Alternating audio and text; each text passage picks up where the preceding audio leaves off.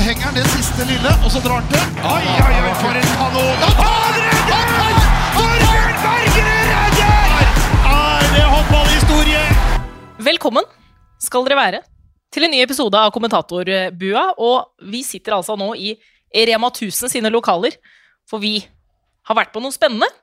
Det har vært VM-uttak for landslagsgutta. Og vi har altså fått en spesiell person på besøk. Halla! Halla! Eller? Eller? Haldens største sønn. Nei, nei, nei. Det, Hvem er den største? Henning Kvitnes. Så har du jo Harald Rønneberg, da. Ja, Han ok. er jo fra Halden, vet du. Ole Idole, husker dere? Ja, ja, ja, ja, ja, Ole. Idole. Er Ja, mange, ja, ja. mange, mange, mange som er større enn meg, altså. Men du er fortsatt landslagssjefen. Jonas Wille, velkommen skal du være. Tusen, tusen takk. Og velkommen til dere to. Ja, takk som byr. Bare hyggelig. Veldig hyggelig at vi fikk komme, Anja. Ja. Tusen takk. Vet du hva, bare hyggelig. Det er, det er vår, det er vår pod, bare så det er Ja, det er egentlig bare jeg som er eh, Du er Jeg er innom. Jeg er innom en tur, jeg. Men det har vært VM-uttak. For en dag. Mye medier, mye kjør. Hvordan har, eh, hvordan har det vært? Nei, det har vært, jeg syns det har vært morsomt, ja. Eh, Det er jo litt sånn deilig å være ferdig med den etappa her, på en måte. Det har vært veldig morsomt fram til i dag å liksom plukke ut og finne ut fram og tilbake, tenke høyt sammen og se masse greier og prøve å finne en bra sammensetning, og så da liksom å få presentert det, og så begynne med neste etappe, på en måte. Så det har vært fint. Men når du står oppe på scenen der, og så sitter alle mediene nedenfor, VG, TV 2, NRK, NTB, hvordan ser vi på deg da? Sitter vi, er vi helt Ja, jeg, jeg følte at jeg er en sånn, du føler at, og syns jeg ser en form for interesse, liksom, og ny, nysgjerrighet. Tusen takk! Ja. Vi Jeg prøver. vet, ja, og det syns jeg er motiverende. Er For det. Verste som fins, er å stå foran forsamling, og så merker du at du ikke er interessert. Men jeg følte i hvert fall at det var interesse i det. Vi var jo interesserte. Ja, ja, ja, visst var vi interesserte. For all del. Spente var vi, jo. Ja, vi var det også. Ja, vi var jo litt spente. For det er Alltid det altså er et uttak. Ja. En tropp, 20 mann, er tatt ut. Og vi må jo jobbe oss gjennom det også. Ja, vi skal, vi, vi skal preke om det. Jeg bomma jo. Ja. Altså, nå, nå kommer jeg fra skiskyting, så jeg vet jo at du kan liksom bomme på første ligg, og så kan du allikevel vinne løpet. Men det er si preke det? ja. Ja, jeg skulle At du akkurat kan bomme på første ligg, Ja, ja, hvis du ikke tenker gris, men hvis du tenker fag, skiskyting, så ja, det går an. Gamle gris. Første liggende? Ja, det, hadde jeg var Ja, det vil jeg også Spora- kanskje. NRK sier første en gang. liggende, men TV 2 er det første ligg, ja. Men, men, men jeg har jo der snakkes, ikke sant? Jeg syns det er mye artigere med det der prekass. Jeg, jeg elsker det ordet prekass, ikke sant? Ja. som du har da i Østfold og ikke Hallen. Men eh, du, du arresterte meg jo med en gang, for jeg bomma jo på, på, på første liggende. Eh, for jeg sa jo liksom prekass om at vi skal preke. Ja. Og det er jo to forskjellige ting. Du sa vi får preke etterpå, Ja, men da er det jo preke. preke, ja. Når du sier prekes, så tar vi med en, Ja. tror jeg, da. Altså, kanskje jeg tar feil, men det er i hvert fall naturlig for Snakke og snakkes, hører er det ikke det? ja snakke og jeg- jeg- på norsk. Snakke og snakkes. Ja. Så preke og prekes. Er det mye annet sånn Halden-rør som vi trenger å vite om, egentlig, før vi, Nei, Og ikke jevne noe- før vi preker?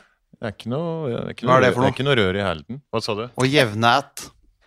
Er du i Halden nå? Er det i Fredrikstad eller noe sånt? Jeg ser Hans Petter Ville har skrevet det på Halden Arbeiderblad, hvor de spør om det mest haldenske. Å ja. Og jevne ett. Oi. Ja, men han er jo det er litt eldre enn meg, faren min. Så han, hadde, han har jo vokst opp med litt sånn mer hardbarka dialekt, tror jeg. Stå, står Du vet, du vet ikke hva det er? Det står ikke hva det er. Det står Nei. bare at dette er noe av det mest haldenske, hvis jeg kan si det på sånn. Og jevne ett. Skal jeg ringe den, eller? Veling, jangling og gjøling. ja. Ja, jeg ble litt, jeg ble litt Veling, ja. nysgjerrig. Det, den har jeg. Nå veler du fælt, gutten min. Da er du ute og Jangler? Er ute og, Ut og sykler. er ute og sykler. Ja. Ok. Velosoped? Er det ja, ja. Kan, ja. Oi. Og dypt der. ja. Ja, ja, hva- er det du rører med nå? Jeg skjønner ikke hva Nei, nei, ja, nei. Nei, ja. Den, nei, jeg vet ikke. jeg. Og jevne ett. Aner ikke hva det er. er. den, det Jeg bare så, men jeg så Hans Petter Ville, fotografen, hadde, Mm. hadde lagt ut det. Mm. Jeg kan høre, men skal jeg, kunne jo ha ringt den nå, men Ja. Og jevne at. Nei, det, den har ikke jeg hørt. Nei, okay, Jeg er for, jeg er for ung, kanskje. Eller ble nysgjerrig, jeg. Ja, enten så må, Ja, jeg tror- jeg- enten, enten så må han ringe far, Ja. eller uh... Jeg tror du må det. Du må det nå. Du må, ringe, du må ringe far og spørre hva betyr det her. Nei, det, det kan ikke dra han igjen. Det her blir, da begynner han å prate i Ja, men det er fordelen når du ringer, for da kan du bare legge på når han har svart. Jeg Da sier du takk, hei. Ja ja, vi er, nødt, vi er nødt til å finne ut av dette her. Ja. Kan prøve. Hvordan skriver man dette? Og Da får jeg bare si at han er, J-E-V-N-E Ja. æ-t-t. at han er direkte inne på podkast. Ja, bare sett den på høyttaler, og så har du mikken på der, så ser vi hvis den er opptatt. Hvis han sier helle nå.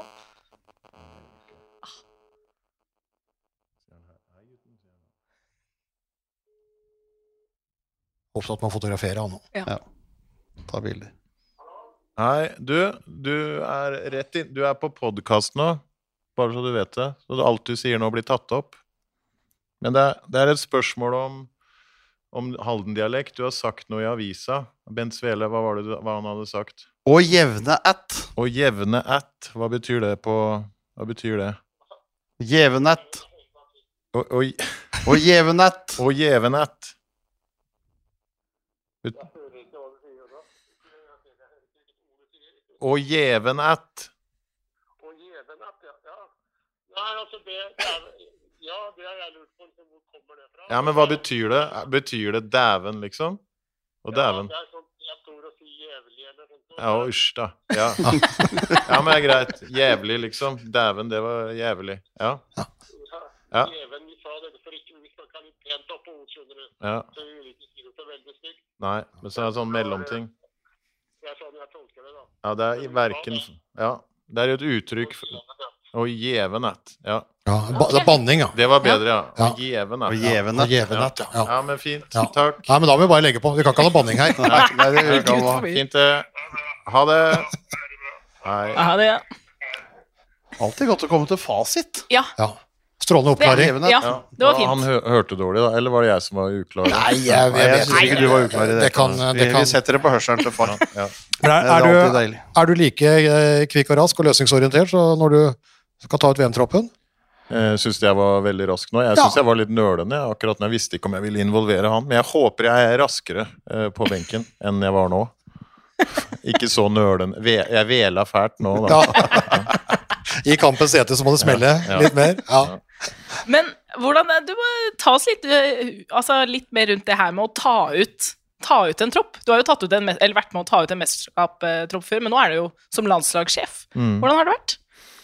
Nei, jeg, jeg syns jo det har vært morsomt. Fordi, for, men så er det jo ikke sånn at Jeg har jo vært håndballtrener i mange år, så man er jo vant til å ta ut et lag. Eh, men det her er jo litt annerledes fordi du skal liksom eh, Det er jo ikke sånn at du tar ut et lag hver uke. Du tar ut noe til som noe sånn veldig stort, og, det, og du vet at liksom konsekvensen for et feil uttak er liksom ganske alvorlig på den måten at eh, ja, det er, noen, det er noen som bygger så spillere og mennesker som bygger så voldsomt opp til å, til å skulle være med. Og så er det jo også veldig forventninger både fra oss og fra andre om at vi skal levere. Så det liksom blir jo en sånn ramme rundt det som er alvorlig. Men jeg, er jo- jeg syns det har vært morsomt å liksom drive og ja, bruke tid på å finne fram til de vi syns er mest aktuelle, og bruke masse For det har vi vært grundige på, å bruke masse tid.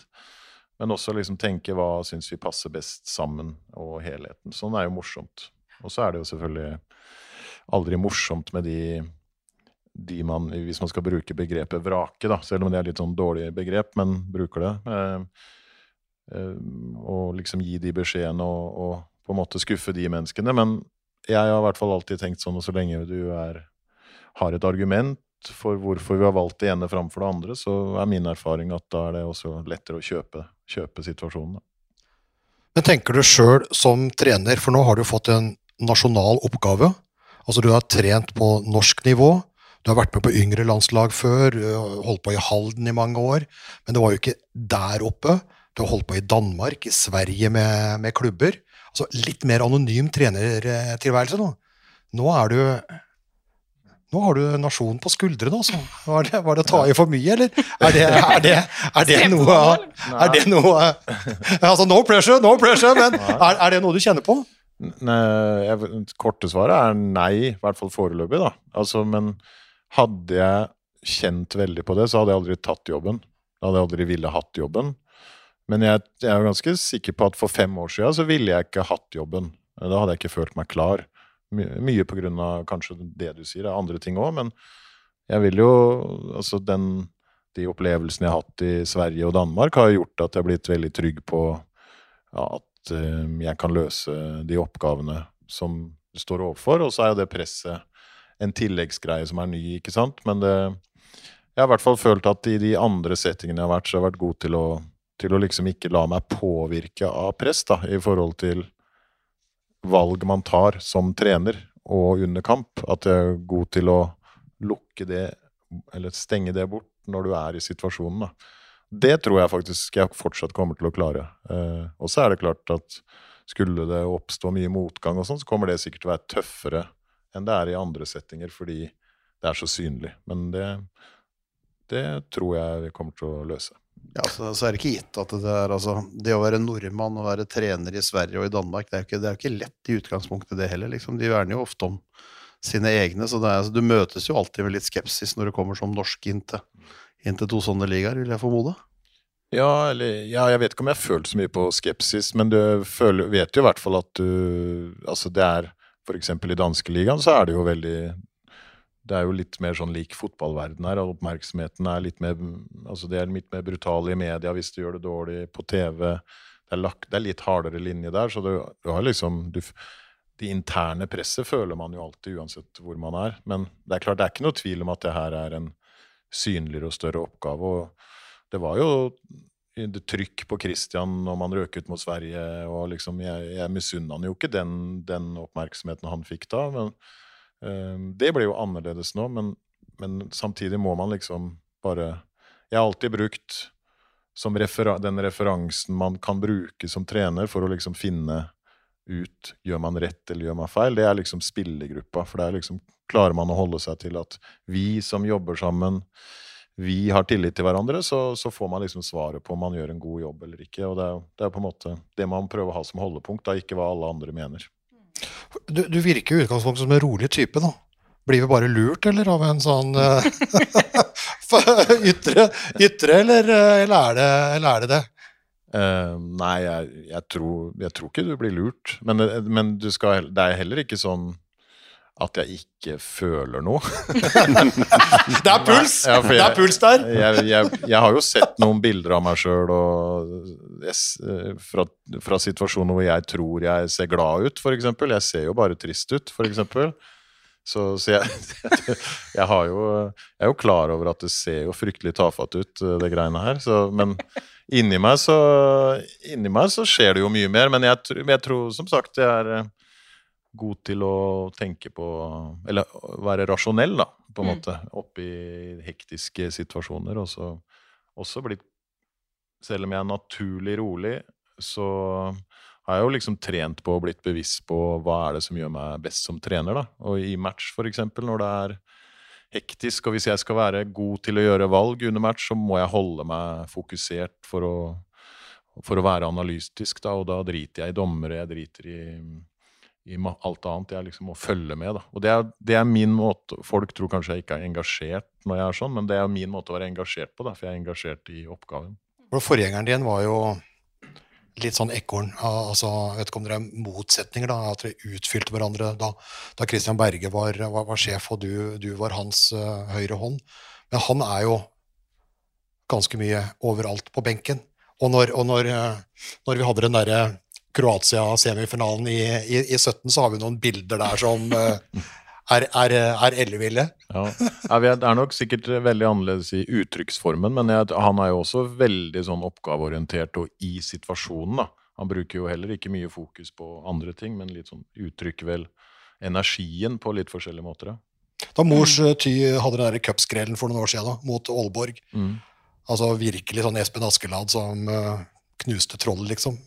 Hvordan var du da? Da var du Nei, ja, jeg var jo veldig Altså, easy. Jeg husker jo at jeg var Det var jo jevnt der på slutten, og jeg husker jo at jeg liksom Det var jo en stressituasjon, men jeg føler jo ikke at jeg var noe annerledes da i aksjonen enn jeg var ellers. Men etterpå så blir man jo veldig glad. Men da er jo jeg veldig Jeg tror han lo av meg. Nei, nei, nei, nei, nei. Det er bare mann 60 ja. som sliter med pusten. Mann 60 sliter med pusten. Det er, det er nei, alias Bent Svele. Ja, men jeg er vel mer sånn at Når jeg er glad, så kan jeg kanskje kjenne veldig på gleden inni meg. da, Men jeg er kanskje sånn som løper med armene over hodet og, Så er jeg veldig opptatt av at ikke f.eks. jeg står ikke og hopper i ring sammen med spillerne, kanskje, for jeg, liksom sånn, jeg vil ikke være den som tar æren, da, hvis du, hvis du forstår litt hva jeg mener med det. Så da holder jeg meg heller Og er glad, glad litt i bakgrunnen. Og det, det er på en måte bare sånn det er. Hvis det blir rolig i gjensidig cup der, eller i VM, da, så får vi ta et sånt termometer, får vi sjekke, får vi sjekke inn i vulkanen om det bobler der. Ja, men det, jeg hadde en sånn smartklokke på meg en eller annen kamp, så jeg, jeg, jeg kjenner jo at selv om jeg kjenner at jeg er rolig, så ser jeg jo, sjekka jeg jo, ser jo at pulsen øker.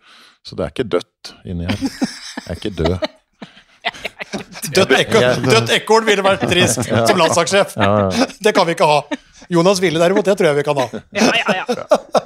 Men jeg husker jo med, med Christian Berga, han hadde jo sånn enkel, litt sånn rutiner og ritualer før en kamp for å liksom komme i modus med musikk og alt. Har du én ting du må gjøre Eh, før kamp? Nei, men det har jeg ikke. Men jeg har jo jeg har jo en sånn oppskrift for hva jeg har mest lyst til på en kampdag. liksom. Men Det er jo ikke så ofte det blir sånn, men det er jo å sove litt lenge. Kanskje, kanskje spille squash. Eh, kanskje høre litt på musikk, eh, og så gjør, liksom gå til kamp. Det er litt vanskeligere i et landslag da, å liksom bygge opp dagen sånn, men, men jeg har ikke noe sånn overtroiske greier. sånn, sånn må jeg eh, gjøre det. Men jeg er nok litt annerledes enn Christian på Jeg behøver ikke å s sitte for meg sjøl og ha øreklokker og Jeg kan gå rundt og snakke og, og så likevel Altså, det er, det, det er ikke noe sånn enten-eller for min Men må du ha Pepsi. Max? Er spørsmålet. Um, i, generelt i livet, ja, men ikke, ikke i, eh, nødvendigvis inn mot kamp. Ja, for Det var litt morsomt da vi spurte spillerne på sosiale medier før eh, EM-kvaliken her i høst. Eh, Jonas Ville, ett ord. Og det var ganske mange som kom med den drikken. Jeg så det, jeg hørte det. Det er litt trist da, at det er, liksom det, det er liksom blitt meg. Men eh, jeg skjønner det jo. Jeg drasser jo rundt med det hele tida. Ja, det kan bli annerledes. Hvis du spør igjen før neste EM-kvalik etter VM, hvis du da sier VM-gull, så er det jo greit. Da, Ja, da da kan vi jo drite i den Hvis de fortsatt sier Pepsi Max, da, så er det, det er trist. VM-gull. Ja, da må, da må vi si. Men jeg tenker Altså, En trenerjobb inneholder jo mange, mange ting. Eh, altså Trening, coaching, lag altså det, det er veldig sånn sammensatt jobb. da. Og, og en landslagstrener, det er du litt mindre i det daglige, men mer ellers. Altså, hva hva syns du er det viktigste i jobben, og hva, hva, hva tenker du, hva, hva, hva, hva, kommer, hva kommer ditt beste bidrag? Hva, I landslagsjobb. ja, ja, hva tenker du? Hva, hva tenker du at ja, Dette her er jeg bra på. Dette her eh, Nei, jeg, mm, det er alltid vanskelig å vurdere seg sjøl sånn, men jeg, i hvert fall Jeg føler jo at jeg er ganske allsidig, at det kan være noe av styrken min i et sånn jobb. At jeg har At jeg håndballfaglig alltid har vært veldig tydelig på liksom sånn skal vi ha det, sånn skal vi spille. Ikke nødvendigvis at det er jeg som sier at Men den ja, kan si, det systemet vi velger å spille, eller den veien vi velger å gå, da, den er veldig tydelig. Um, og at spillerne da er, har kla- klar oppfatning av og klart bilde av hvordan, hvordan ting skal gjøres. Da. Um, det tror jeg er veldig viktig i, og kanskje enda viktigere i et landslag hvor du har så kort, kort tid. Da. Så den faglige biten der tror jeg i hvert fall um, blir viktig å være ultratydelig. Da. Og også være god til å justere underveis i matcher. Så, og så er det litt en relasjon altså mellom samlinger. Altså det, er jo, det er jo en stor del av oppgaven. Og også jobbe med spillerne mellom samlinger. Jobbe med klubber og relasjonsbygging med klubber og, og spillere mellom samlinger. Og at man på en måte liker den relasjonen med mennesker. Da. Eh, Det er også noe av det, den prosjektlederbiten. da. Eh, Organisere ting og strukturere ting. Så det er i hvert fall ting som jeg syns er morsomt å drive med, det òg. Ja, det er klart, altså, men, men uh, du kan tenke altså, Christian Berge var jo også litt opptatt så Han savna det å stå på gulvet hver eneste dag. Du har andre landslagssjefer som har doble jobber, som gjør det. Det kan ha sine positive sider, og det kan ha sine negative sider. liksom. Tror du du kommer til å savne det, det gulvlivet? Eh, ja, det tror jeg. Jeg tror liksom eh, Hittil så har jeg ikke rukket å tenke på det engang, uh, for det har gått veldig unna. Men jeg tror det er nødvendig og så kan jeg bare si først at altså Christian var jo Jeg husker ikke hvor mange år han var trener før han ble landslagstrener, men jeg har jo Det var ikke så fryktelig mange, så, men jeg har jo fått stått på gulvet i over 20 år og på en måte vært håndballtrener på fulltid siden jeg var 26, og, og føler jo kanskje det kan være litt sånn deilig med et lite brudd da, i det. Men på et eller annet punkt så kommer det til å være viktig å få trent mer, da, hvis du forstår hva jeg mener med det. Så Derfor så har jeg også en, en avtale med Kristianstad, den siste klubben jeg var i, med, med treneren der, Stian Tønnesen, og med klubben om at jeg er velkommen der for å ta noen turer innom der og gjøre litt det samme som Christian gjorde hos meg i Skjøvde. Um, for det var jo en fin modell, syns jeg, uh, som gjorde at man liksom er tett på og på en måte kan leve seg inn i kampene og være delaktig med å snakke og sparre fram og tilbake. Det, det kommer jeg nok til å på sikt benytte meg av. Ja, og det tror, jeg, det tror jeg også. Det er, det er en viktig del. Altså, det, er jo, det, er jo, ikke sånn at treneren ikke trenger å trene, han heller. ikke sant? Det er jo å gå fra ingenting, ingenting, ingenting, og så har du noen treningskamper, og så skal du liksom, som har altså ha nasjonen på dine skuldre uten å, uten å ha stått i det. Så det er klart at det er, det er en utfordring. Det er ingen tvil om det. Og det merker man jo til og med når man er klubbtrener og bare har vært en sommerferie på to måneder. Ikke to måneder sommerferie, det er ikke så mange klubber som Det var når jeg spilte det. Ja, men i hvert fall mellom kampene, da. To, til ca. to måneder. Så, jo, så, er det jo en del ting som plutselig ikke sitter i ryggmargen. Så det er, det er um, helt klart at det, det, er jo en ulempe, men det må man prøve å få erstatta på en eller annen måte.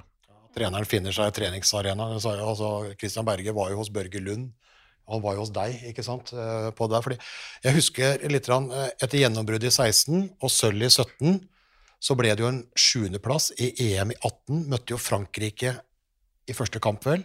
Tapte knepent etter å ha leda rett før slutt. Og der tror jeg Kristian eh, Berger gikk i seg sjøl etterpå, så mente han at kanskje hadde treneren vært enda bedre trent der, kanskje kunne jeg ha vippa det. Han, han, gikk og tenkte litt sånn, da. Mm. ikke sant? Og Det er klart, det er, ikke noe, det er ikke noe god tanke, det, hvis du liksom skal ha, ha den på skuldra. Føle at liksom Fader Ulland, her uh, var jeg kanskje litt rusten som coach. Mm. For det er jo altså, den, det som du sier, da. Uh, like mennesker, uh, lagbygginga, stake ut en kurs og følge den. Men det er klart, den matchcoachen, altså det å følge kampen og kunne gjøre de avgjørende trekkene det, altså. Jeg er enig i det. Også, men derfor så, jeg, jeg mener jo også at matchcoaching handler veldig mye om forberedelse. Fordi i, så, så, jeg tror man på en måte kan erstatte det mye fordi man hvis man, Det går mye ut på å lage et felles mentalt bilde av sånn her At spillerne og vi trenerne har et felles bilde av hvordan vi vil at de viktigste situasjonene skal se ut på banen. Og det samme av motstanderne vi møter. Og hvis, hvis vi klarer å ha krystallklare bilder av det, så er det også mye lettere å korrigere under match og se bildene under match. Og det, det føler jeg at liksom har vært litt min styrke som matchcoach. At jeg liksom har forberedt meg grundig. For da, da, og forberedt laget grundig, for da vet vi liksom Da er det lettere å kommunisere om ting som skjer. Og hvis vi har en bra, effektiv, presis terminologi i tillegg, så er det lettere å justere hverandre. Og, så jeg tror liksom Jeg har tro på at man kan få til veldig mye av det ved gode forberedelser. Hvor langt kom du på vei eh, i de EM-kvalkampene i høst? da? Og så har du på en måte én turnering og så i Trondheim, og så er det jo bang inn i åpningskamp i VM. Ja. Nei, vi, altså Det som jeg følte var litt min Det snakka jeg og Christian om, faktisk, før det ble avklart hvem som skulle vi hvor. eh, før det var avklart at Christian skulle til Kolstad og sånn. Men det var jo et alternativ at han fortsatte som hovedtrener og jeg som assistenttrener. Og da snakka vi jo litt om å rydde litt opp i terminologien i angrepssystemet. Og liksom lage litt, mer, litt mindre kaos, da. Eh, og få strukturert opp ting bare sånn få satt ting litt i kasser, liksom. Litt i båser. Sånn at det er lettere å kommunisere om ting, og lettere for spillerne å huske ting. Eh, det har vi tatt litt tak i på første samling nå. Det hadde vi også gjort hvis Christian hadde vært med, så det er ikke noe sånn, sånn, sånn dramatisk i det, eh, eller en sterk uenighet rundt det. Tvert imot. Og så valgte ut noen da angrepssystemer som vi tenker blir sentrale. Og da er det jo stort sett samme spillet som Christian har hatt. Lagt til litt med kantoverganger igjen, som ikke har vært med på landslaget så lenge. Og samtidig spilt videre på det forsvarsspillet som jeg begynte å innføre så, i november. ikke sant? Så det, vi føler at vi liksom Så er det vanskelig å måle fordi hvor langt kom vi, egentlig? Fordi de matchene vi spilte, var litt spesielle. Men følte i hvert fall på trening at vi kom videre med de momentene vi prøvde. Og da, Da var det f.eks. det å legge veldig høyt opp i prioriteringslista det å, det å fylle ut brett i banen etter en aksjon, komme bredt som sidebekk, så du alltid har en bred posisjon. Vi kaller det dansk posisjon. Eh, få noen da, eh, hurtige utspill til kant, så vi får brukt bredden mer. Det er det ene poenget. Og det andre er litt den miksen mellom det isoleringsspillet, duellspillet og det litt større flow-spillet. da. Det er vel kanskje de, de to tinga som vi har brakt litt på banen og prøvd å løfte opp enda litt høyere. og så får vi se om vi får det ut i praksis da, nå i mesterskap. Ja, Ikke for å dra inn det presset igjen, men uh, Det er ikke meningen, men Nei, men eh, eh, altså, En prater jo alltid om de små marginer, ikke sant. Og du ser på EM sist, altså endte med 50, der var det jo små marginer. En liten kollaps mot Sverige der, ikke sant? altså unna en semifinaleplass. Og så blir det en femteplass. OL, ja, fram og tilbake. VM, sjetteplass, sjuendeplass. Men den lista da, etter gjennombruddet er jo da fjerdeplass i 16, sølv i 17, og så var det den der Frankrike-kampen og, og sjuendeplassen i 18, sølv i 19, bronse i 20. Altså fem år, fire semifinaler, tre medaljer. Det var jo det store gjennombruddet. Og så de tre siste utafor pall, utafor semifinale. Sjetteplass, sjuendeplass, femteplass. Et VM, et OL, et EM. Og jobben din er vel da å få gutta opp på pallen igjen? Ja, Hvor, hvor, langt unna er det? Altså, er det de små marginene? Er det et lite, litt justeringer? Litt sånn tellekanter i det skapet? Rydde opp i noen begreper? eh, Litt struktur her og der? Eller, eller er det større enn som så? Kan- først vil jeg si at det, det her er nok et bilde av faktisk hvor jevnt det er. Ja. Ikke sant? Altså Hvis du hadde tatt en del andre nasjoner, så hadde du fått litt sånn samme, samme type ja, eh, For, fordelen med den lista, da, selv utafor, er at her er du i toppen. Mm. Altså, altså jeg vil jo si at en, en altså sjetteplass i VM altså med så altså, Du er jo i toppen. En har etablert seg i toppen. Det er jo fordelen her. Men ja, Ja, så, så, så det er jo det som er litt fakta i, man må ta med seg i betraktninga her, er at det er, det er såpass jevnt at det er veldig små ting som kan avgjøre om du, du klarer det ene eller det andre. Men jeg vil jo si at det mannskapet vi har nå, er jo vil jeg tro Man har jo kunnet plukke nå for første gang fra ja, liksom, Hvis vi ser bort fra Erik Toft som er skada nå, så har man jo en bank i bordet. Eh, en veldig et bra utgangspunkt for å plukke ut det beste laget. Da. Og da, det må jo bety at vi har et bra utgangspunkt for å prestere bra. Um, og så begynner man å kikke på alle de andre troppene, så er det, så er det, de, de, det er, ganske, de er bra. Ja. ganske gode, Ja, de òg. ja. Så, så, så jeg Det er eh, veldig vanskelig å si at man skal dit eller dit, men vi drømmer jo om det gullgreiene, vi òg, selvfølgelig. Og det, det er en, det er en eh, sånn, sånn Uten at vi snakker om det, så vet vi jo alle sammen som er i gruppa, at alle blir skuffa om vi taper en kamp, uansett hvem det måtte være mot. Så mm, alle har tro på at vi kan gå hele veien. Men vi er ikke favoritter til det, vi er utfordrere til det. Og, men det er jo ikke noe tvil om hva vi ønsker. Men eh, så vil vi ha fokuset litt bort fra det derre snakket hele tida om Vi snakker om hvordan vi skal bli bedre. Du, spørsmålet ditt er egentlig de der prosentene, jakten på de siste prosentene. Og det ligger jo ingen informasjon i det å snakke om målet for oss. Det snakker om hvordan vi skal hente de siste prosentene. Det, liksom den, det prøver vi å legge vekt på i den prosessen mellom samlinger, men også noe da på samlinger. For du sier jo litt altså dette med, med laget du har tatt ut, da. At nå er det altså Mange av gutta, eller de aller fleste, er skadefri. Og du kunne plukke fra så å si øverste, øverste hylle her. Så vi kan jo ta en liten titt Ja. på dette laget her. Ja, fordi ak ak akkurat det vi prater på, da, altså hvis vi ser liksom på noen nøkkelspillere, altså Magnus Abelvik Rød, uh, Gøran Johannessen, sliten Sander Sagåsen der, Magnus Gullerud altså I løpet av de tre mesterskapene som det ikke har blitt semifinale, så har enten to, eller i hvert fall én av de, vært ute. Altså Vi er en liten, liten nasjon med den biten der. Og det som var morsomt, da, når vi rett etter uttaket hadde to ord med Sander Sagosen på telefon, midt mellom julegreiene i, i Kiel, så, og, vi, og vi nevnte akkurat det her, så gjorde han også det. Bank i bordet. Bank i bordet, akkurat det samme. Ja. Fordi det er noen Bundesliga-kamper som skal gjøres unna, så du vet jo aldri hva du kommer ut med til, til, til nyttår. Men nå ser, det, nå ser det bra ut, da. Men skal vi Vi tar, vi tar en Altså, liten runde. Ja, en, en sånn kjapp runde på posisjonen, da, men vi, vi har prata litt om det før òg, men altså, Sander Sagåsen øh, trodde kanskje han var ute til, eh, til februar. Nå er han i gang i, i Kiel og er, eh, er VM-klar. Men det er klart, det er, det er seks måneder håndball som forsvant her, altså. Hvor, hvor står vi? Hvor går vi?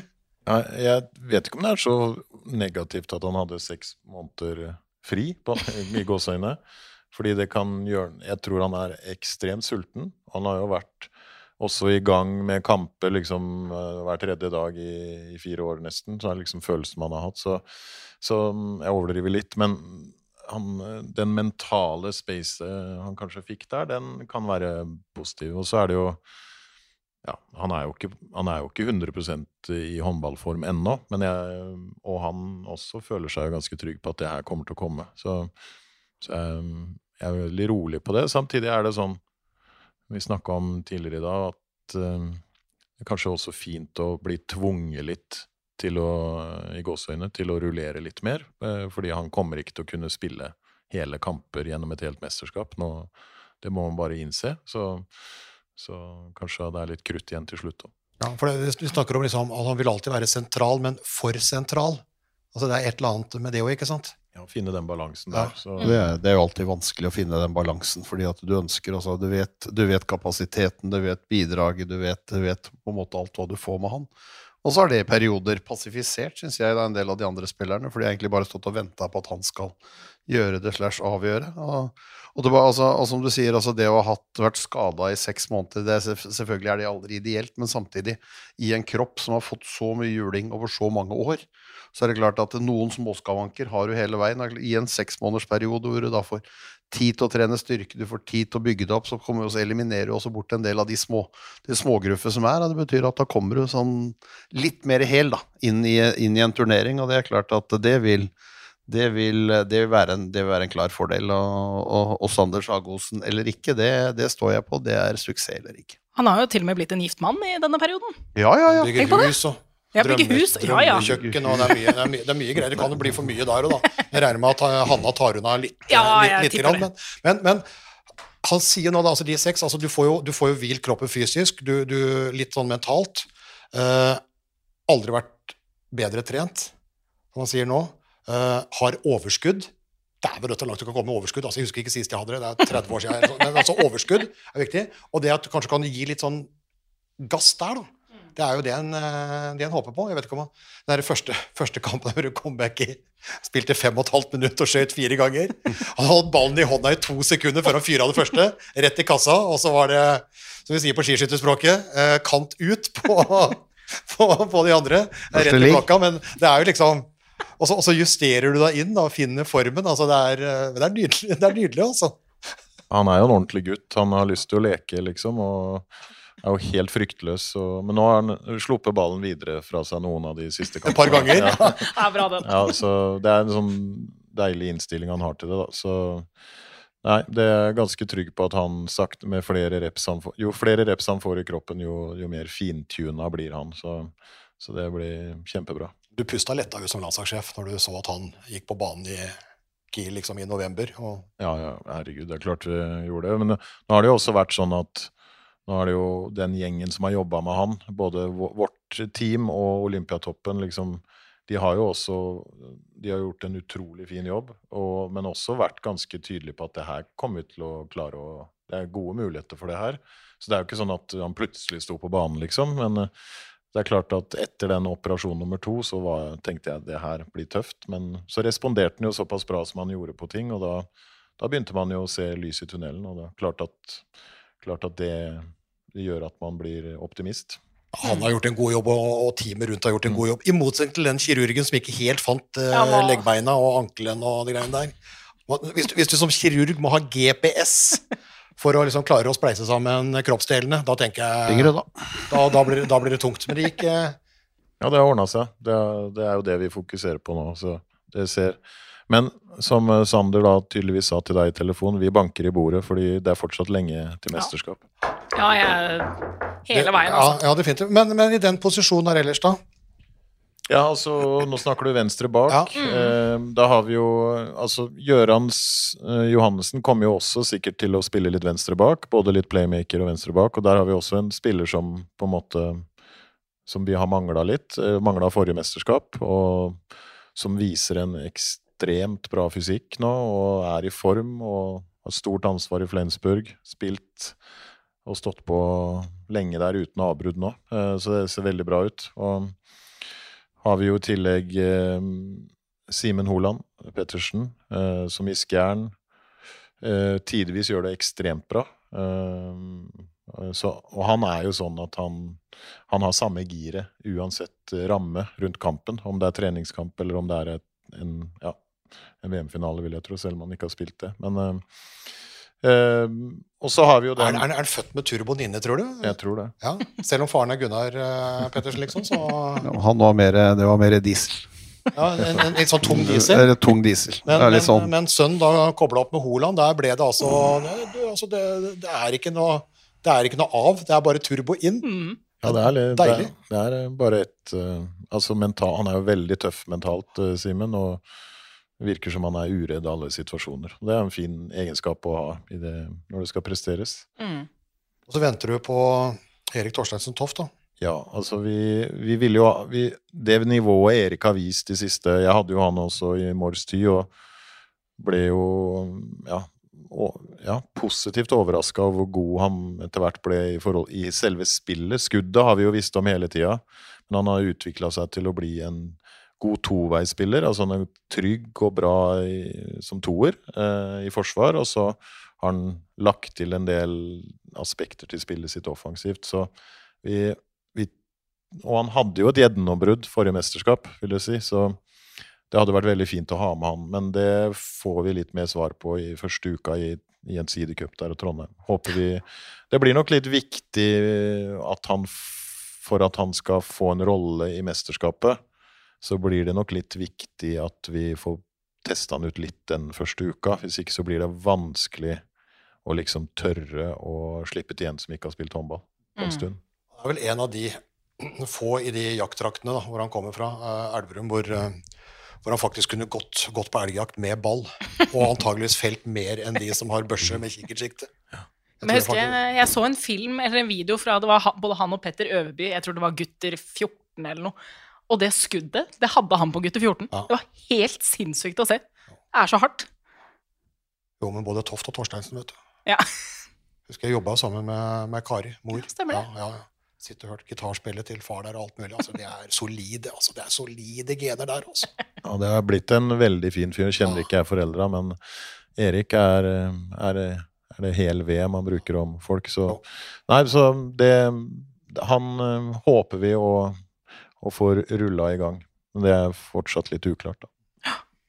På høyrebekken der, da? Der har det jo vært tre og fire og alt mulig. Nå er det to. Magnus Abelvik Rød, Harald Reinken, Ja, vi Tangen Tønnesen, Hjemme. Rambo hjemme. To av dem, da. Hjemme. Ja, vi landa jo på eh, at vi syns at uh, Altså, vi vet jo aldri om vi har rett før vi har testa det ut, men vi har i hvert fall en magefølelse på at vi, vi tror på at det å ta med to stykk, tydelig i dem to som blir tatt ut, et tydelig ansvar, eh, og ikke rote for mye med, med rollene, kan være smart. Eh, og at også de som er hjemme, vet at nå har vi jo først og fremst preppa Tangen og Tønnesen på, på at de kan bli kalt inn ved behov.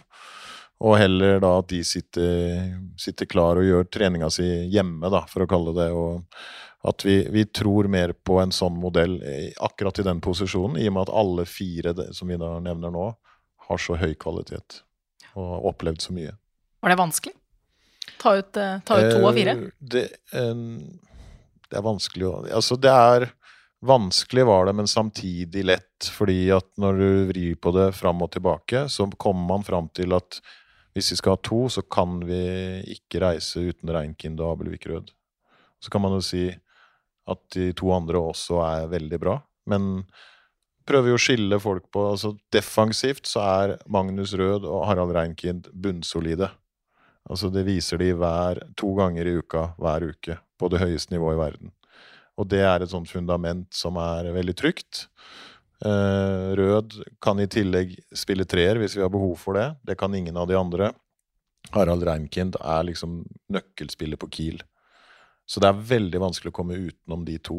Eh, Så sånn sett blir det lett, men likevel vanskelig å ta bort to spillere med så høy kvalitet. Ja, men det, Vi har jo sett mesterskaper og vært med fire hvor egentlig ingen fant rollen sin. Og når det er tre, så, så er det alltid en som lurer, og så er de så gode at du føler at du på en måte må bruke det òg. Så jeg, så jeg, jeg syns det er smart også, å gå ned, på, gå ned på to og velge to. Og da er vel også de valga som på en måte er blitt gjort eh, veldig naturlig, syns jeg. Og, og, skjer det noe nå, så er det jo et bytte kort vei unna. Altså, da er det jo da står det jo par og spinner, liksom, i, Ja, eh, og- i, i kulissene, så de er jo ikke langt unna. Og da er det jo også sånn at eh, vi stoler 100% på dem vi kaller inn også, og har, en, har et veldig bra utgangspunkt fortsatt for å levere bra. Og det er betryggende for oss. Det kunne du ikke gjort i Bents tid på 98-tallet, men det kan du gjøre nå. Nå er profesjonaliteten litt annerledes Helt mellom annen oss. Helt annen Hva ville du gjort, Bent, da? Hvis du hadde Hvis jeg skulle, ikke hadde kommet med? Jekka en øl. Jeg kan, jeg kan svare, jeg kan, jeg kan svare. Jekka, en øl. Jekka en øl og reist til Granca. Da er det Saga Solreiser. Ibiza. Ja, ja, ja. Men, eh, men midten, da? Altså Christian og Sullivan er jo, er jo, altså de er jo vi, hadde jo vi hadde jo da vi så på liksom, troppene de 35, vi hadde jo sånn 13-14, altså egentlig bankers. Han er jo bankers, men Sander Øverjordet henger jo med nå i Colling, og så Tobias Grøndal. Da. Ikke sant? Det er mange som har etterlyst Tobias Grøndal i Elverum, så har de jo, har de jo lurt på hva er det, det, er det dere holder på med? Men nå er han jo inne som en av to Ja. mesterskapsdebutanter. Ja, så må jeg også bare nevne det. Gjøran kommer helt sikkert også til å spille Ja. playmaker. Ja. Eh, og så Sølven nevnte du. Selvfølgelig veldig soleklar i troppen, også mye av den personligheten han er, og forsvarsjobben. Så er det også litt spennende å se da hvordan Hvor høyt nivå får Christian angrepsmessig når han nesten ikke spiller det i klubb. Det, det vet vi jo, det får vi jo se. Men, og derfor så er det også litt viktig å ha inn eh, to eh, hva skal man si klassiske playmakere. Eh, Øverjorda har jo styrt skuta skikkelig bra i Kolding i år. Eh, og jeg nevnte også på pressekonferansen at han har også vært litt spesialist i 7-6-spillet. Eh, snudd noen kamper eh, når de har slitt, bare med 7-6, og så styrer Sander alt. Det har vært morsomt å se. Og så mm, Tobias har jo vist over lengre tid på internasjonalt nivå at han, at han kan gjøre ting som ikke andre gjør. Eh, og han har også et veldig bra hode for de å ta til seg kollektivt spill.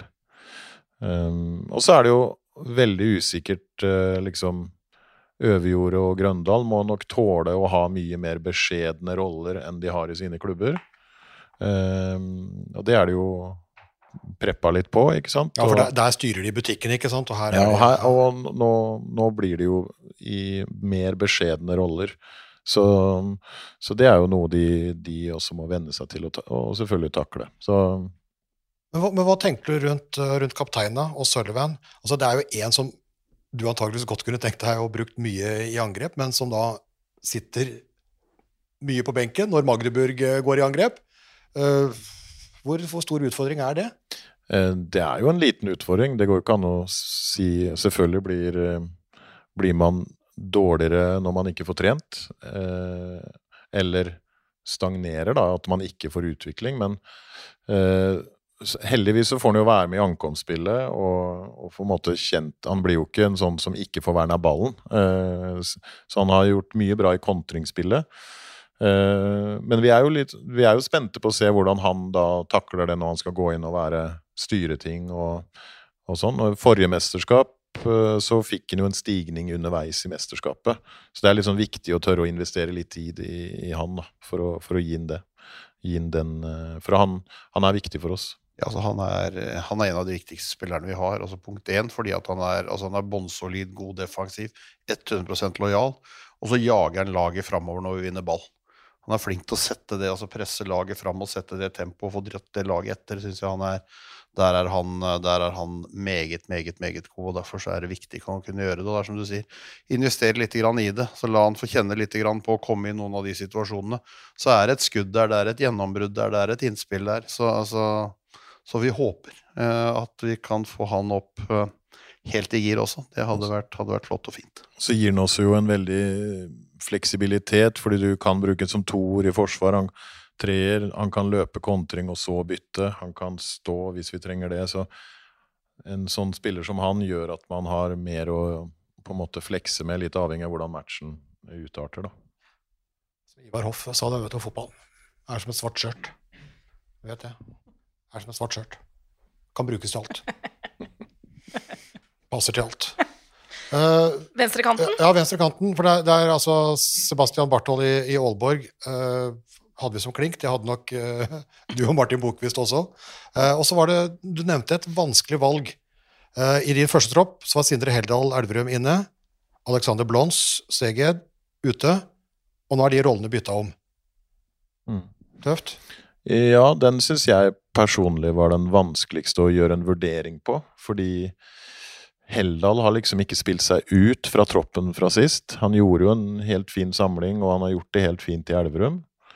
Eh, var jo ikke med sist, og det var noe av grunnen til det, eller hovedgrunnen til det, var jo at vi ikke hadde nok bakgrunn for å vurdere Blons, fordi han hadde spilt lite. Og nå har vi fått bygd opp litt mer bakgrunn for Blons. og eh, føler at eh, den spisskompetansen han innehar, da, den, den kan være litt sånn joker, eh, jokerrolle, som kan gi oss, gi oss noe gratis. Og, men den, den er den jeg syns har vært sjøl har vært vanskeligst å vurdere fram og tilbake. I tillegg så har vi August P Pedersen i Flensburg, som også er med i det sjiktet der. Så den, den har vært vanskelig. Hvem av de tre skal være sammen med Bartholt? For det med Bartholt har ikke vært vanskelig. Jeg får tenke, ja, tenker inne, på, inne på linja der òg. Magnus Gullerud, Peter Øverby. Ganske, ganske sol, soleklar. Men når du nevnte da Thomas Solstad, da, som har vært inne Det har jo Tom Kåre Nikolaisen og Endre Langås og sånn hvert år òg. Men du, litt vurderinger rundt spesielt Thomas der, da, eller?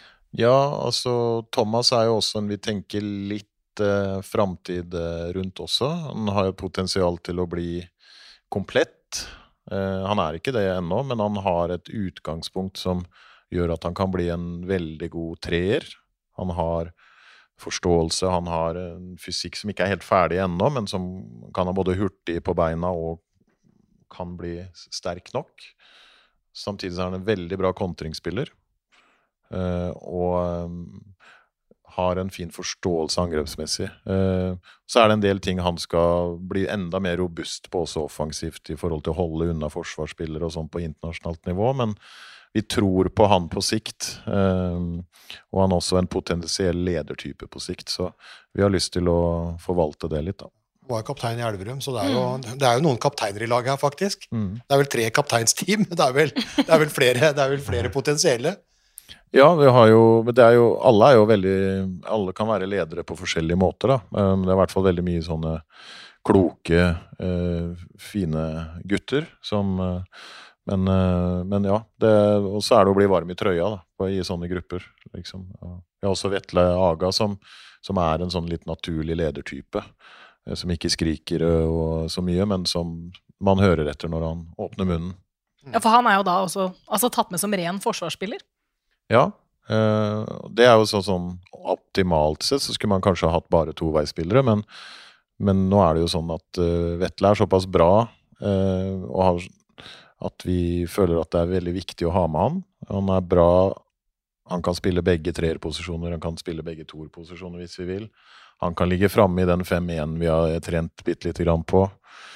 Han er også veldig klok og analytisk, så, og en, en gutt som er viktig i gruppa. Så um, han har uh, han, det, det var også et ganske lett valg å ta med han. Ja, så står, står han jo sammen med Gullerud til daglig, Ja. både i trening og i kamp for Kolstad. Så, så det er klart at det, relasjonene som de også greier å bygge opp, vil jo være, vil være et pre når du, skal, når du skal inn der. Det slo meg når vi pratet om dette, her, det er veldig mange flotte gutter der. Ja, Ja, ja, det er en fin gjeng, altså. Det er utrolig bra gjeng. Ja. Altså, Det det. mange, mange ledertyper. Nå har du kapteinsteamet med Christian og Sølven som er kaptein, da, og så Christian Bjørnsen som på en måte har vært litt sånn vise, og så har du dratt inn Magnus Abelvik Rød der, og så prater vi om den ene etter den andre. Det er jo egentlig bare Plotting. Captain Fantastic hele, hele veien. Ja, det er en veldig fin gjeng. Og så er det jo det, Kunsten er jo å få, få liksom alle til å Selv om man er så hyggelige og fine gutter, da, til å, til å liksom tørre å utfordre hverandre litt når, ja, når det trengs. da. Eh, og liksom ikke ta for mye hensyn, og tåle det, tåle det å legge lista høyt. Og at man tør å, tør å stille krav til hverandre hvis, hvis ikke alle gjør alt de kan. da. Det er of, ofte Det litt tror du? Ja, altså jeg, tror vi, jeg tror vi har mer å gå på. Uh, og det er jo noe av det. Vi har jo han Skjolde Strøm som har vært inne i starta en slags eh, verdiprosess eller forventningsavklaring, hvor, hvor det har vært noe av det som har vært oppe der. At man har liksom kan legge lista litt høyere på det. Det så det skal vi jobbe med. For det, altså, Den trenger ikke å smelle i dører eller knuse tallerkener, eller annet sånt, men det må være altså, det, å, det å tørre å si fra, si og rydde opp litt hvis det, hvis det Ja, det er jo ofte sånn at liksom det å stille krav blir av en eller annen grunn forbundet med det å kjefte på hverandre. Det har jeg aldri forstått, da. Eh, Men det er liksom ofte en sånn misforståelse at stille krav, det er å stå og skrike og, og liksom Men det handler Noen Folk er jo forskjellige, da. Så noen uttrykker seg jo på én måte, og andre på Det viktige er jo liksom at man kan være konkrete på ting som ikke funker, og det her må vi gjøre bedre. og det, det har jeg tro på at man skal kunne gjøre uansett om det er med lavt volum eller høyt volum. At, at det er mulig å, å tørre å være så varm i trøya i relasjon til hverandre. da, At man, man tar de tinga. At ikke ting For det er, det er jo konkrete ting som må fikses for at vi skal levere på ypperste nivå. Og Det kan være alt fra en ting ute på banen til en ting som irriterer, eller noe sånt utafor banen. Men det, må man kjenne hverandre såpass godt at det er trygt. Ja, for det, det er jo akkurat det det handler om. Så, så, lenge du, så lenge du har ei gruppe som er sammen og skal leve så tett på hverandre, og, og tryggheten ligger der, så tør du også kunne, så er jo takhøyden også mye høyere. ikke sant? At ikke, det, at ikke folk er usikre eller lurer på noe eller et eller annet sånt. Og det er jo, og den, eh, som Harald sier, altså, det er mange flotte gutter. Og, og det er jo, altså Sander Sagosen har jo hylla landslagsmiljø. ikke sant? Altså Det er de beste ukene han har i året, hvor han egentlig kanskje innimellom kunne ligge på ei solseng for å ha fått restituert kroppen, men han vil så gjerne dit, for det er de beste ukene i året han har. Og det er klart, det forteller jo mye om de som er der, og, og de tinga som ligger rundt, og, og viktigheten av det. er Det blir annerledes nå. Det kommer Jonas til å røske Ja, det er, det er veldig viktig. At du, det, det må du Det skal vi prøve å ødelegge. Det er, det er en viktig del av det men hele. det er et sånn kjennetegn, vi som driver og tusler sånn inn og ut av det miljøet. da, altså, Det er en gjeng som trives veldig godt i hop. Og selv om det er en sånn Bjarte Myhrvold og noen andre sånne eh, bautaer og kontinuitetsbærere som er ute, så de gleder seg til å komme på samling. Gleder seg til liksom å en være kompisgjeng, da. Ja, Ja. være sammen. Gleder seg til å prestere. Og da, da har han jo skapt noe veldig fint, altså. Ja, men det merka jeg jo Det var litt sånn hyggelig å oppleve når jeg fikk være med med Christian der, og det var litt mer eller mindre sporadisk eller tilfeldig. Jeg hadde samtaler med spillere, og flere sa akkurat det der, at det her er jo liksom litt som å komme tilbake til gutte 16-laget sitt, hvor liksom hvor du bare syns ting er gøy. Og det er jo en sånn veldig sånn sterk, positiv kraft som vi får litt gratis i den gjengen her, da, vi, vi trenerne, som det er viktig å på en måte forvalte, da. For det, det er ikke noe tvil om at den det viser seg, det er i hvert fall min erfaring med det jeg har drevet med i det året her, at, at det med motivasjon er jo veldig sterkt linka til eh, trivsel og glede og, og humor og de tinga der, og det skaper motivasjon. Motivasjon er jo ekstremt viktig for å prestere. Så Vi altså, det er trivselen, altså, med tanke på det å prestere og levere et eller annet. Det er et eller annet, da. Vi tre altså, vi jobber jo sammen. Det eneste problemet med Vi oss har det jo helt grusomt Ja, men, ja. Bent jeg har jo jobba over 20 år nå uten å krangle, men vi har jo hatt noe oppgjør, da. Og så får vi da inn eh, to, to menn pluss 60, får vi inn da kvinne eh, 28. Og det som er problemet, er jo at Anja da begynner å oppføre seg som en mann pluss Ja, det er 60. helt Det er jo eneste faren med det. det er Tisser mye oftere Ja, og får sånn rar humor, og Men- det er jo helt Men det er lettere å gå den veien enn at vi skal oppføre oss som 28 år gamle jenter. Jeg tror det er, Hvis man må velge, så tror jeg det er bedre å gjøre det sånn. Men, men, på, men, men, men valg på høyrekanten. Mm. Altså Christian Bjørnsen, Kevin Gulliksen, Aksel Horgen, Kasper Lien. Altså Bjørnsen, ja, det, det var blant de lettere. Eh, ja, altså det, altså det har gått som toget for eh, Bjørnsen og Bartholt på kantene i Aalborg. Og Gulliksen var jo Selvfølgelig var vi, vi var litt engstelige for at han kanskje ikke skulle bli helt frisk eh, kjapt nok og sånn, og så responderte han jo så kjapt eh, på comebacket sitt var mot Kiel med åtte på ti mot Kiel, så fikk vi ganske sånn fint svar på at eh, det kommer til å gå, gå bra, gutten min. Ja, for han var jo skada på din første, første samling som, Ja. eh, som, som sjef. Uh, I kassa Kassen. I kassa! Målvaktene Torbjørn Bergerud, Kristian Ja. Christian Sauerås. Altså, de har jo vært, det er jo de to som på en måte har vært par inne. Og så har det veksla litt med hvem som har vært inne. Heieren var jo med nå sist. Nå er det Elverums Emil Keri Imsgaard, altså den andre mesterskapsdebutanten. da. Eh, Det er tre der. Du sier at du skal ta med deg to, så én må på en måte ta et sidesteg. Ja, alle blir alvor. med til mesterskapet, men i den offisielle troppen på 18 så blir en av de liksom definert som tredje keeper, da. Som blir en keeper som er med og trener der, og som er tilgjengelig om det skulle skje endringer. Men er det helt åpent hvem som blir de to, eller er det Eh, altså det, det, det er jo sånn Svaret er nei. Nei, altså helt, helt åpent er det ikke, men det er nok eh, det, er- det er liksom to og tre der. Hvem, hvem som skal Den er nok litt mer eh, åpen, ja. mm. Altså, det er ikke helt opplagt at Imskar, som på en måte er liksom ferskingen her, da, blir treeren. Nei, det er absolutt ikke opplagt. eh, For han, han kan fint bli med som en av to, og det er jo det, er jo det vi driver og vurderer. Og Mhm. selvfølgelig er Steinar Ege den som er den best faglig egna til å skille ut de detaljene der. Eh, Så vi, vi, vi skal ha litt mer tid på den der. Eh, Så, men jeg syns jo det er morsomt at eh, Sist gang så var det Sander Heieren, nå er det Emil. Og det er vanskelig. Eh, Det er ikke lett nå å plukke ut hvem som skal være blant de tre, og hvem som skal være blant de to. Og det, det, det er mer et godt tegn enn et dårlig tegn. Vi er på, på vei, liksom. Så det syns jeg er positivt. Der ligger jo Robin Haug, som er tilbake etter langvarig skade. Ja. Ikke sant? Så det er, ja. Og han hadde nok kanskje også bank, kunne fint banka på den topp tre-greia hvis hvis hans skadesituasjon og konkurransesituasjon i Skjern hadde vært litt annerledes. Rett før du kom inn i vårt provisoriske poststudio, så prata vi jo med de to debutantene rett før Elverum-trening, med Tobias Grøndal og Emil Keri Imskar. Jeg er jo glad i dem, da. Det er jo gode, det er gode gutter. ikke sant? Det er jo, det er jo gass, og det er, det er liksom Det er høye ambisjoner på sine egne vegne og på lagets vegne, da. Men på det jeg mener liksom ikke er en kokk... Ja ja, selv om Tobias Grøndal har i kampens hete lempa ut av seg et par, eh, par headlines, så er det de er, de er utrolig offensive, altså. Det er ikke noe sånn de kommer inn som lærlinger og med lua i hånda. altså. De, altså, de, de skjønner jo at de får en annen rolle der enn i Elverum. Eh, Så de skjønner jo sin Men det, faen, vi skal ta opp kampen, altså. Ja. Vi, vi, vi, skal, vi skal jage eh, gull. Vi skal ta plass. Altså, bidra. Den offensiviteten, fader, elsker det, altså. Ja, det er helt Ja, og det, det er en mentalitet som er sunn, da, fordi det er en sånn det er akkurat som det er viktig for eksempel med Sagosen å ha med noen som syns at det er en selvfølge å, å slå de beste i verden. Og, og det, liksom, det er jo spennende å se også hvordan de i Elverum har klart liksom, å ha den mentaliteten også i Champions League. Eh, og har lært seg til å være uredde i forhold til sånne situasjoner. Eh, så det, det er jo veldig viktig i gruppa eh, å ha. Den gangen Sander da, var god, men fortsatt litt valp Husker da, pressetreffet dagen før VM-et i Frankrike i 17. Så kommer vi ut, så står, står vi og prater med Sander Sagåsen og prater litt om mål og mening. Vi går for gull, sier han. Så du skvetter litt, ikke sant? Altså, de, har spilt én semifinale liksom, i håndballguttas historie. Vi går for gull. Og det er alle gutta med på, liksom. Er sånn forsiktig ordfører. Ja, ja, ja, ja, ja, sier han. Så går vi da til Ole Ervik og Bjarte Myrhol. Ja, Sander sier at «Ah, Sander.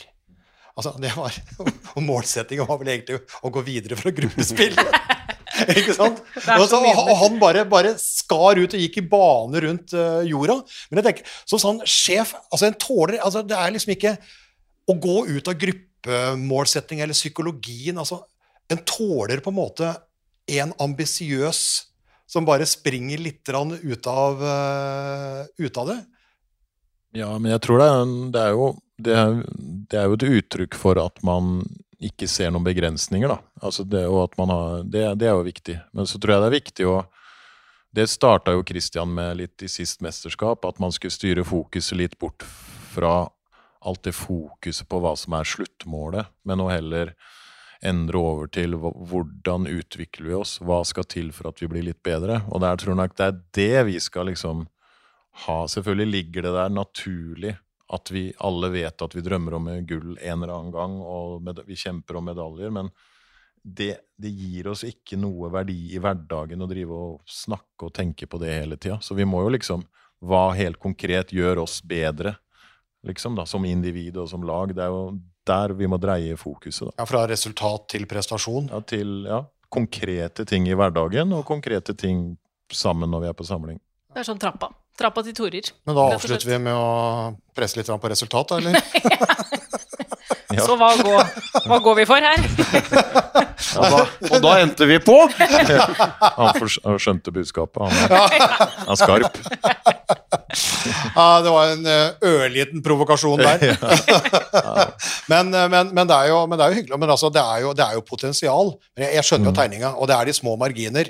Det er i for seg en floskel i idretten, men, men det, det er lett å skjønne når vi har sett eh, de, de, de mesterskapene her. Men Jeg tror, bare for å vri på det, jeg tror vi har større, sans, større sannsynlighet for å ta gull om vi dreier fokuset den veien. mm, For det er jo gull vi ønsker å ta, men det å drive og snakke om at vi skal ta gull hele tida, gjør ikke laget nødvendigvis bedre, men det er jo det å endre på de små tinga som gjør at vi blir bedre, som gjør at vi kan ta gull. det er jo hyggelig da når Martin Bokvist, som da er din, din, din assistent nå, han var jo det samme rolle med, med Sverige som tok gull sist, når han sier at det er et veldig, veldig bra lag, så Mm. betyr jo ikke det at det blir gull, men det betyr jo at det er det betyr, Potensialet, da. ja, det det betyr jo at det er et veldig, veldig bra lag. Ja, og jeg er helt enig med Martin. Vi har et kjempefint lag som kan ta gull. Eh, Så, så det er ikke noe Vi har et kjempefint mannskap, så vi, vi, vi skal Vi har mulighet. Ja, men vi har, vi har fokus på prestasjon, det er ikke noe tvil om det. Ja, lover du det? Ja, ja, ja, ja er du gæren? Nei, det kan vi- jeg ikke. Harald kommer til å stå, stå på pressetreff i Polen og spørre. Nei, hvordan er prestasjonen? Ja. Så føler jeg, jo- så føler jeg jo på en måte at vi, altså, det, det er jo, altså, vi er i en gruppe som, som altså, Det er ikke det verste vi kunne få i det hele tatt. Eh, Det er lag som vi presumptivt eh, bør være bedre enn, og som vi sånn sett på normale dager skal, skal kunne slå, kunne komme seg videre fra, videre fra gruppa med de poengene som kreves inn i et, inn i et mellomspill. Nord-Makedonia, Argentina, Nederland. Det er, uh, gjør enkeltkamper som kan være fantastiske og som kan være gode. Altså, jeg husker jo Nederland uh, fra EM, var det vel, hvor de, altså, de kom inn og, Mm. Uh, og begeistra med, med, med ting og tang. Men sånn i utgangspunktet så er det lag vi skal være bedre enn, Ja, ja. syns jeg, og det syns sikkert du òg, i og med at du sa det du sa. Mm. På, altså, at ikke det er topp, og heller ikke bånn. Liksom. Ja. Så du, du, får, du får spilt deg inn i et mesterskap mot, mot, mot motstand, men samtidig motstand som vi skal være forhåpentligvis bedre enn. Ja, det er liksom ikke Danmark, Frankrike, Spania, Sverige. Altså, det, er ikke, det, er ikke, det er ikke der. Ja, Det krysser jo. Så krysser vi Krysser vel med med- Tyskland-Qatar-gruppa. Mm. Mm. Så er det litt sånn eh, Sånn som Nederland har jo i sin første oppstilling verdensstjerner. Altså Ja, ja. Du har Mm. Luke Steins og du har Kai Smith, eller verdensstjerne i hvert fall, som spiller helt der oppe. Og han Bayern som gjør det bra i Bundesliga. Så det er som du sier, de, de kan mobilisere og slå hvem som helst når de har en god dag, og dem de møter han en litt dårligere da. Så det er sånn vi må være på hugget, men samtidig bør kreve eh, seier. Så er det i den krysningsgruppa så tror jeg at Serbia er undervurdert. Det er veldig få som snakker, men Serbia har et veldig bra mannskap. Og med momentum i det mannskapet så kan det skje mye greier. Men vi må faktisk ta bare et par kjappe spørsmål fra, som vi har fått på vår Instagram-konto. Ja vel. Da er vi spente. Ja, her er det en som spør. Da Norge slo igjennom, så skulle man løpe, løpe, løpe. Hva er det Norge nå skal stå for? Sånn, ja. Ja, vi skal i hvert fall prøve å hente fram litt det der igjen, for det var jo litt sånn Det funka ikke så bra forrige mesterskap. Ehm, Det tror jeg også handler om at vi finner en litt bedre balanse i angrep-forsvarsbytter og, og roller der. Så det, det skal hentes fram igjen. Og så eh, også litt det jeg prøvde å beskrive litt angrepsmessig uten å bli for teknisk, men det å, det å Vi skal fortsette med det duellspillet, isoleringsspillet, eller hva man kaller det, som Norge har vært gode på, men vi skal prøve å eller variere litt mer med det jeg kan kalle for flow-spill. Litt mer flyt og litt flere pasninger sånn at man får en balanse der. Mm. Og så har jeg prøvd å løfte opp det med å komme bredere i spillet. Det er lett sagt, eh, men ikke så lett gjort. Så, men vi, vi jobber med de tre, tre tinga der. Og så, dette er noe helt annet, men eh, hva er hovedstaden på Tonga? Er det Sindre Ao som har lagt den? Det er helt riktig! Noko Alofa. Men- Du tok den, altså! Men, men har vi fått, eh, etter Drillo, har vi fått en ny landslagssjef som er sånn eh, geografinerd, eller? Nei, fordi Drillo er Det er ingen som kan måle seg med Drillo på noen som helst måte, så jeg vil ikke bli sammenligna med han. Men eh, jeg, jeg er god på hovedsteder, men jeg kan ikke fjellhøyder og Nei, for han har kvadratkilometer og fjellhøyder han, han, kan, han er mye mer komplett. elver og en del mer, ja. Men, Ja. men Jeg er en patetisk kopi av, av, av Drillo. av Drillo? Ja. Fra samme fylke, det er det eneste vi er Og han er jo en, han er, han er et forbilde. Trenerforbilde, så jeg, jeg, jeg er for liten til å bli sammenligna med han. Ja, jeg skjønner. Men du har hovedstedene inne? Hovedstedene Ja, altså, jeg skal ikke nå skal, Blir jeg testa på det nå, eller? Nei. Nei. Jeg Nei, er var- ganske god på det. Jeg er ganske god på det. Men uh, hvorfor eh, Du sier ja, var det Sindre Aho som sendte inn det Nei, det, det er fordi jeg er, kan Det har vært en greie når jeg har trent eh, klubb Eller det er det jo fortsatt, jeg har tatt det inn på landslaget òg, at jeg, I og med at jeg kan hovedsteder, da, så har jeg hatt for at de skal kunne spille fotball på, på treninger, så må de svare på tre, tre hovedsteder. Og så får de fire minutter fotball per riktig svar. Så det kan bli tolv minutter ja, Fire ganger tre er tolv. Ja, tolv minutter. Åtte, fire eller null. Og, det, og da ble det en sånn greie jeg hadde Sindre på, på landslaget, at han skulle, teste, han skulle teste meg om jeg faktisk kunne alle hovedsteder. Eller om det bare var prat. Så han prøvde hver dag på juniorlandslaget å komme med noe nytt. Og så er han jo halvt tongalesisk, er det ikke det det heter? Tongalesisk? Ja, ja, Mm. Sure. Så, han, så den, han testa meg på den, men den tok jeg, da. Noko Alofa. Så etter det så har vi en sånn greie at eh, Så når jeg ser han i Drammenshallen, så roper jeg Noko Alofa. Da snur han seg. Det er en fin gutt. Så det var hyggelig å høre fra Sindre. Ja, det, jeg syns det var, var fint, spør, det spørsmålet der. Har du flere, eller? Ja, jeg har en til, men eh, samtidig så svarte du litt på det, da. Mm. Altså, hvordan skal man spille et bra slash tydelig angrepsspill? Altså hvor flere kan ta gode valg. Ja. Oi, det er jo et veldig fint spørsmål, det er jo absolutt, men eh, vanskelig å svare kort på. Men jeg tror også litt tilbake til det der noen Nå svarte jeg jo litt på den, på den med, nå nettopp, men også litt den der med opprydninga i den terminologibruken. For det tror jeg er viktig når vi vi kan se for dere at alle de spillerne kommer fra et spillkonsept med egne begreper der de er, og så skal vi tre-fire dager på å liksom starte på scratch igjen. Ja. Og da Min erfaring er at skal du ha overskudd til å gjøre riktig valg, så må spillet være så ryggmargsbasert som mulig.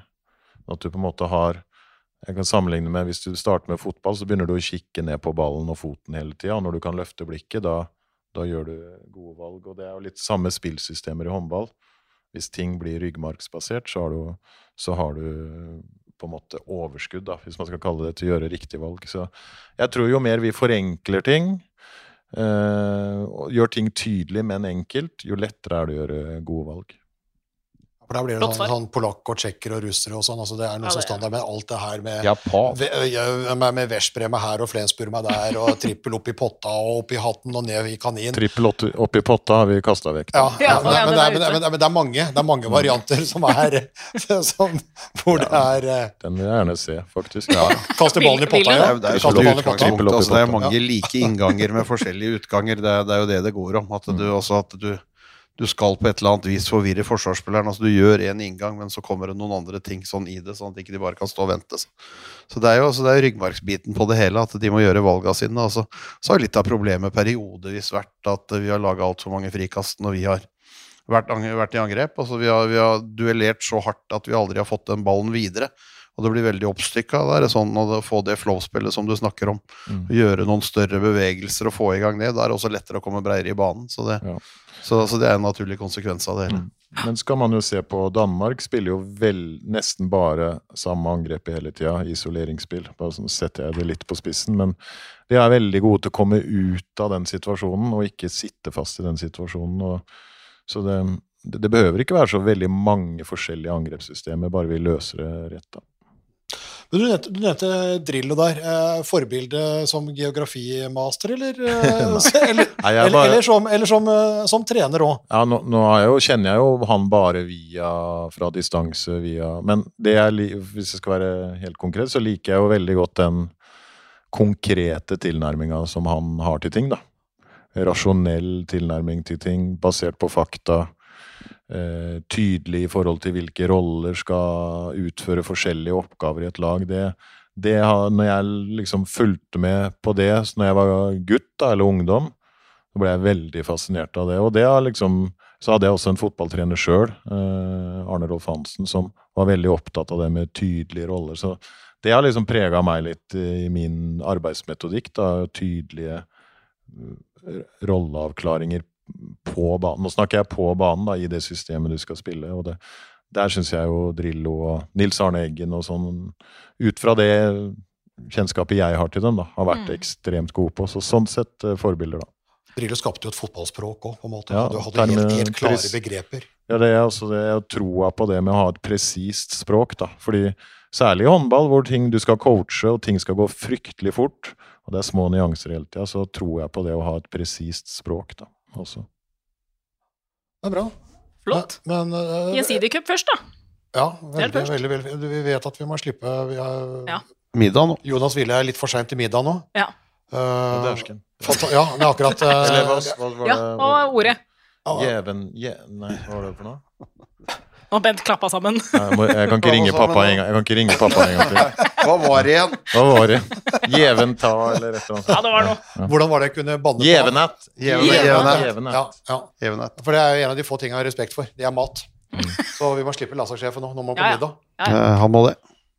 Ja, tusen takk. Da Men uh, rumler det i magen. Forbered deg Ja, godt. god jul. Ses vi, så ses vi i Trondheim på nyåret. Ja, det blir Det blir gøy. Jeg sier ikke. Ja, det Det blir blir stas, det. Gleder oss til det. Og Vi- VM. Vi sier prekes, da.